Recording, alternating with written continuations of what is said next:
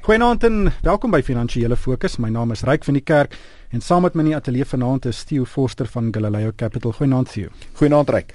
En op Gordons Bay is Hein Creer van Creer Internasionaal. Goeienaand Hein. Goeienaand Ryk. Hulle vanaand se program gaan ons gesels oor Jill Marcus, eh, president van die Reserwebank wat hierdie week 'n bom laat val het. Dit is nie hoë rentekoerse nie, maar sy gaan die tuig neerlê en daar is nogal verrassing in hierdie nuus gewees. Die regering dink daar ook daaraan om sommige kernbates uh, te verkoop om Eskom se kapitale uitbreidingsbehoeftes te help finansier en daar is gissings dat die regering dalk sy belang in Telkom kan verkoop. En dan het die uh, Suid-Afrikaanse Inkomste Diens aansoek gedoen om Shemax beleggings te likwideer. En ons gaan net nou daaroor gesels. Ehm um, maar ein, kom ons begin by Jill Marcus. Sy het die hierdie week aangekondig dat sy in Desember wil uittreë en daar's reeds spekulasie en gissings aan die gang oor wie by haar gaan oorneem. Dit lyk asof Letsega Kanyago, die adjunkpresident van die Reserwebank wat al ook jare lank in die DG en die tesorie was, dalk die uh, voorste kandidaat is. Uh, maar wat het jy gedink van van haar aankondiging? Wel, um, ek dink uh, jy weet ek dink die mense um, neem neem kennis daarvan dat sy in November uh, uh, die einde van haar 5 jaar kontrak bereik nie. Uh, ek dink as mense as dit in ons koppe was soos dit waarskynlik in haar kop was, dan sou dit mense dalk nie so verras gewees het soos wat ons was nie. Uh want ek dink uh, ook weet dis moeilik om uh, vir 'n tweede voltermyn uh ook op haar ouderdom aan te gaan met daardie tipe van werk. Um ek dink die spekulasie oor gaan Jago is eerlikwaar net spekulasie. Almal was verkeerd in terme van speku spekulasies oor die nuwe kabinet uh na die verkiesing. Uh ek dink hierdie is selfs 'n moeiliker een om oor te spekuleer. Dis dit is tot 'n groot mate 'n politieke aanstelling uh, deur die president en die minister van finansies uh, en ek dink uh, jy weet die die uh, mees opvallende kandidaat is uit die aard van die saak gaan Jago maar um, ek dink ons moet heeltemal te seker wees dat dit is hoe uh, president Zuma of die minister van finansies se kop bewerk.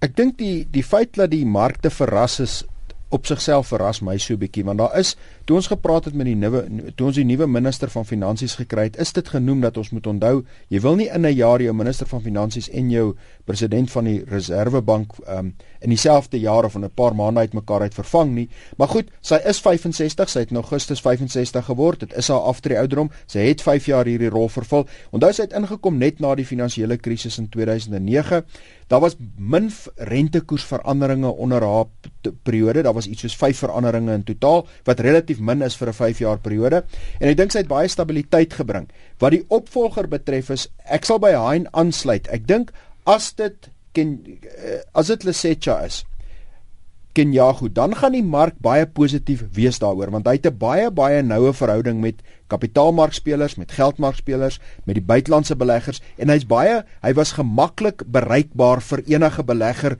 of vir enige persoon wat 'n idee wil kry van die Reserwebank en hy het homself uitgeleen daartoe. Hy het gedien as direkteur-generaal van Tesorie van 2004 tot 2011. So hy is geskoei in die regering se kom ons sê se streng dissipline. Ek dink dit sal baie positief wees as dit hy is, maar goed, soos ons weet in die politieke omgewing is dit baie moeilik om vooruit te skat watter kant toe mens gaan en wat die besluit gaan wees.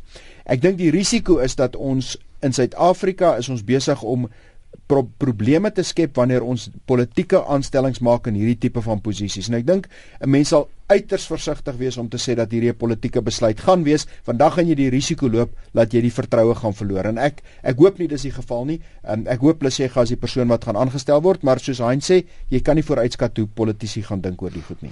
Maar kyk, daar was verrassing toe Tito Mboweni oorspronklik as die uh, president aangestel is en uh weet hy word nog steeds gereken as een van die bestes wat ons nog ooit gehad het. Wel, ek dink die punt van die saak is die oomblik wat 'n uh, sentrale bank president onafhanklikheid kan wys en wanneer wanneer hy die besluite of hy of sy die besluite kan regverdig in terme van die feite op die tafel. Of jy saamstem of nie daarmee of jy dink rentekoerse is te hoog of te laag dis een kant. Maar aan die ander kant solank as wat jy meen dit was rasionele besluite gebaseer op die feite tot hulle tot hulle beskikking onafhanklik van die regering ek dink dat dan maak doen die persoon 'n goeie taak. En ek dink ons was gelukkig net soos wat ons gelukkig was met ministers van ekonomie sedert 94 ons was baie gelukkig met die met die presidente van ons sentrale banke son ons sentrale bank dat hulle dit rasioneel opgetree het te alle tye. Hein, uh, sy het ook aangekondig dat rentekoerse onveranderd bly. Daar is druk op haar om rentekoerse te verhoog. Ehm um, uh, maar aan die ander kant enige rentekoersverhoging gaan nog die die handrem op die ekonomie verder optrek. ons ekonomie is so broos op hierdie stadium dat ek dink dat dit eintlik 'n wyse besluit is want onthou ons sit ook natuurlik met die swaard oor ons koppe uh, van Amerikaanse rentekoerse wat uh, kan, kan begin styg uh, binnekort uh, en ek dink dit is amper beter om te wag vir daardie stadium op um, uh, in steede van om net uh, uh, uh, binnelands te kyk na ons eie situasie hier en uh, en ja, 'n mens weet dat rentekoerse moet opgaan maar ek dink dit help om maar nie te veel te karring uh, in die, in die in die stok te roer in hierdie ekonomie wat regtig waar uh, baie seer is. Elke mens voel dit uh, aan sy aan sy bas en ehm um, uh, en uh, en en dit sal net 'n verdere remskoen op hierdie stadium gewees het vir die ekonomie dink ek. Stem heeltemal saam. Ek dink vir 'n gewone verbruiker is die goeie nuus dat rentekoerse nie opgaan nie. Die slegte nuus is toe sy kom met haar redes. Daai redes het was het vir jou 'n sombere prentjie geskets. Net 'n jaar gelede, November 2000 verlede jaar, was ja. die verwagting vir groei hierdie jaar 2.8%. Dis afgewentel oor die loop van die jaar en hierdie keer is dit af van 1.7 na 1.5 en dit wys vir jou hoe die ekonomie verswak. En en en ek dink die die redes het jou amper so bietjie ge, geskok om werklik te sien hoe pap die syfers is en dan natuurlik die uitsprake wat sy baie sterk gemaak het en dis nie die eerste keer wat sy dit maak nie oor pryse, loonverhogings, um gereguleerde pryse dat ons kan dit eenvoudig nie bekostig in hierdie ekonomie nie. En ek dink uh, die goeie nuus vir die verbruiker is rentekoerse bly dieselfde. Die slegte nuus is gaan luister na redes. Dis nie goeie storie nie. Nee, verseker nie. Maar hein kom ons gesels 'n bietjie oor um Eskom. Um Eskom het gesê hy soek omtrent 225 miljard rand wat 'n klomp geld is oor die volgende 4 jaar om aan sy kapitaal uitbreidingsbehoeftes te voldoen. Um weet net interessant 225 miljard rand is meer as 20% van die regering se jaarlikse begroting. Dis regtig 'n groot hoop geld. En die regering het ook en die regering het ook aangedui dat hy van sy nie kernbates gaan verkoop en onmiddellik het mense begin vingers wys na sy 40% belang in Telkom en ook sy 14% belang in Vodacom. Ehm um, en dit sal baie interessante transaksies wees as die regering sou besluit om daai bates te verkoop. Wel ek ek sou ek sou uh, uh, baie daarvan gehou het as hulle as hulle hulle hande uit uit uh, privaat maatskappye uit kan kry, uh, die, hulle vingers uit privaat maatskappye kan kry. Uh, en ek dink dit sal eintlik baie goed wees vir vir Telkom as so iets kon gebeur. Ehm um, uh, ryk, maar jy weet uh, staatsbates nê is natuurlik 'n geheime storie vandag in Suid-Afrika. En uh, 'n mens gaan nie altyd seker wees waar dit, dit vandaan kom nie en tot 'n groot mate as 'n mens hier aan die ander kant van die saak kyk, is dit letterlik soos om jou kind uh, wat, wat nie meer sy rente op sy oortrokke fasiliteit kan betaal nie, uh nou te gaan uithelp deur nadat jy afgetree het van jou uh van jou bates begin verkoop net om hom te help om sy rente te delg. Uh dit is nie 'n oplossing nie, dis nie 'n langtermyn oplossing nie. Uh en om die waarheid te sê, dit dui eintlik net verder op die op die krisis waarmee ons sit uh uh in die breë ekonomie waarvan uh, waarvan kraglewering en kragopwekking absolute sleutelrol speel uh om uh om 'n buitelandse vaste investering te lok uh vir mense wat kan vertroue hê dat ons sal uh, uh ons sal behoorlike uh, elektrisiteit aan hulle kan uh, lewer teen 'n teen 'n billike prys wat standhoudend is uh, om fabrieke uh, hier in hierdie land te vestig wat kan werk skep en wat kan uitvoer en so buitelandse valuta vir die land kan verdien. Sien so, baie mense weet weet die oomblik as jy dink aan nie kernbates binne Eskom nou dink jy aan van sy kragstasies. Die die, die fisiese kragstasie is nie die bate nie, dis die elektrisiteit wat opgewek word wat die bate is um, en dit is dalk meer sinvol om van hy kragstasies te verkoop as om byvoorbeeld 'n belang in Telkom te verkoop. Jy sien maar dit is my hele punt uh, wat wat wat my wat my pla. Eerstens kyk ons hier nie de, na na bates van van Eskom nie want dis bates van Eskom dis nie bates van die staat nie. Uh en die staat het aangedui dat hy staats nie kernbates uh, gaan verkoop. So as hy dit doen met 'n uh, liquide tipe van van bates soos te, Telkom en en en uh, uh en en uh en Vodacom, dan is dit goed. Maar wanneer ons begin kyk na ander staatsbates, raak dit 'n baie grys area en dis wat my hinder. Die tweede ding is is dat die hele probleem is dat as die as die staat uh, as die regering sou aangekondig het dat hy uh, eerder 'n groter privatiseringsrol uh sou um, sou sou uh, innooi in Eskom in om te help om hierdie ding te dra soos byvoorbeeld die verkoop van kragstasies uh, van Eskom dan sou dit 'n baie positiewe stap gewees het en dan sou dit nie beteken het dat 'n mens die die die kroonjuwele van die land verkwansel net om uh net om 'n sukkelende uh, ding staande te probeer hou nie. Kyk, ons sit ongelukkig in Suid-Afrika met 'n geskiedenis dat waar die staat betrokke is in maatskappye, het hulle maar 'n vrot geskiedenis. Ek meen dis nie dat ons as ons nou hier gepraat het van staatsentiteite wat briljant bestuur was en wat ons 'n opbrengs op kapitaal gekry het en wat effektief was en wat jy kon vertrou, dan was dit 'n ander debat. Maar ons sit in 'n debat wat die staat het vir jou gewys hy kan nie instellings effektief en op goed bestuur nie.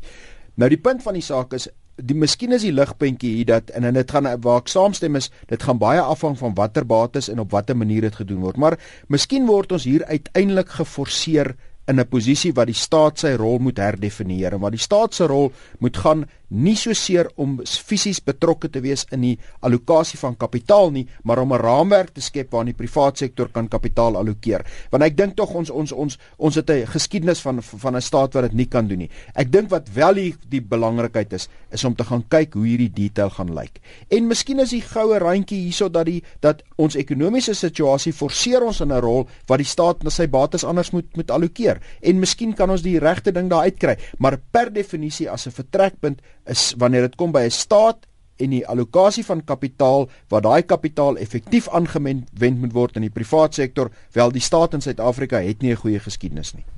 Die tyd is besig om ons in te haal, maar Matthew, ehm um, kom ons gesels gou oor Shemax. Die inkomste diens het hierdie week aansoek gedoen, het al in Junie aansoek gedoen vir die likwidasie van Shemax beleggings. Ehm um, en uh, die inkomste diens vra ook dat die reddingsplan um, die sake reddingsprogram vir Shemax beleggings opgeskort word en SARS sê uh, basies dat uh, hulle soek 16 miljoen rand omtrent 16 miljoen rand by uh, um, Shemax en vir die afgelope 2 jaar gesels.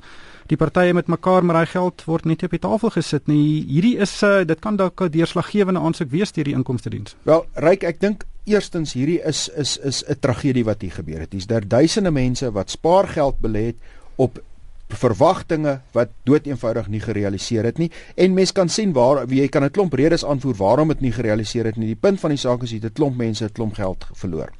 En wanneer 'n klomp mense 'n klomp geld verloor en jy kyk na hierdie kabaal, dan sou mens baie graag wil hê dat eerstens wat die bates ook al daar is, dat dit op 'n manier gerealiseer word, maar tweedens die mense wat verantwoordelik was vir hierdie wanallokasie van spaarders se geld vir hierdie hierdie hierdie, hierdie feit dat die spaarders bly omtrent al hulle geld verloor het dat hierdie mense dan iewers aanspreeklik gehou word vir hierdie dade want uh, jy kan nie der duisende mense se spaargeld vat en op die einde van die dag stap hierdie mense uit met absoluut niks nie en niemand kom agter waar hierdie geld teen is nie. Mense sal graag wil sien dat iewers 'n proses na 'n punt toe kom dat as daar skuldiges is en as daar wandade was, dan word hulle ten minste aangespreek. En ek dink dit is deel van wat 'n mens graag sou wil sien.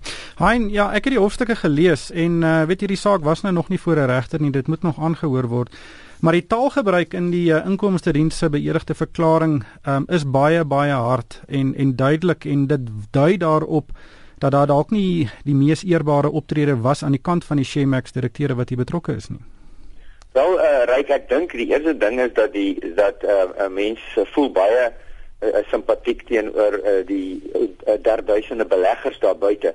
Maar ek dink hulle soek ook sekerheid in hulle en en ek dink die uh, ek dink die uh, die reguleerder uh, is uh, het 'n verantwoordelikheid om aan daardie mense 'n sekerheid te bring want baie mense hoop nog dat daar iets vir hulle gaan van kom van hulle beleggersgeld dat hulle gaan terugkom. Maar tweedens kan ons nie toelaat dat soos wat soos wat uh, uh, Theo tereg nou ook opgemerk het dat uh uh, uh, dat mense wegkom in die land uh, indien daar enige uh, indien daar enige 'n uh, misdaad betrokke sou gewees het as indien daar enigiets negatief uh, by betrokke was uh, en ek dink dat die uh, dat SARS uh, sal hulle sokkies moet optrek want die tyd begin daarom regtig nou uit te loop in terme van hierdie hele situasie om om te om om uh, te, kyk of 'n mens of daar belaamos is of hulle geïdentifiseer kan word of bepaalde uh ehm uh, um, misdadig bewys kan word en dat mense uh, aan die pen kan ry om 'n voorbeeld te maak anders dan gaan hierdie tipe van ding om net herhaal en herhaal en herhaal in ons uh, in ons beleggingsgeskiedenis. Hmm. Sien net laastens uh, die skotte het referendum gehou. Hulle is deel bly deel van uh, Brittanje, maar uh, daar was 'n paar uh, bekommerde mense veral op finansiële markte omdat dit regtig die appelkar kon omgooi in die Europese Unie. Ja, ek dink dit sou 'n negatiewe uitslag gewees het as hulle wel nee gestem het. Dit wil sê as hulle gestem het om onafhanklik te wees, as hulle wel ja gestem het. Die feit dat hulle nee gestem het, ek dink wat ons nie moet eh, vergeet nie. Hier het iets soos 1.3 1.4 miljoen skotte gestem om onafhanklik te wees. En baie van die ouens wat gestem het om om deel van die Unie te bly, het ook gestem teen die agtergrond van beloftes van verdere mag wat afgewentel gaan word.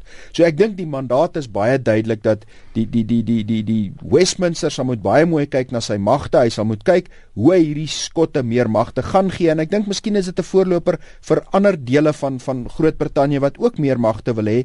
Ehm um, maar ja, dit sou skadelik gewees het as dit uit en uit gegaan het vir onafhanklikheid. Die boodskap egter is baie sterk. Die skotte wil bietjie meer sê oor wat in hulle land gebeur. Ongelukkig is dit alwaar ons tyd het vanaand. Baie dankie aan Han Creer van Creer Internasionaal en Theo Forster van Galileo Capital en van my ryk van die kerk. Dankie vir die saamluister.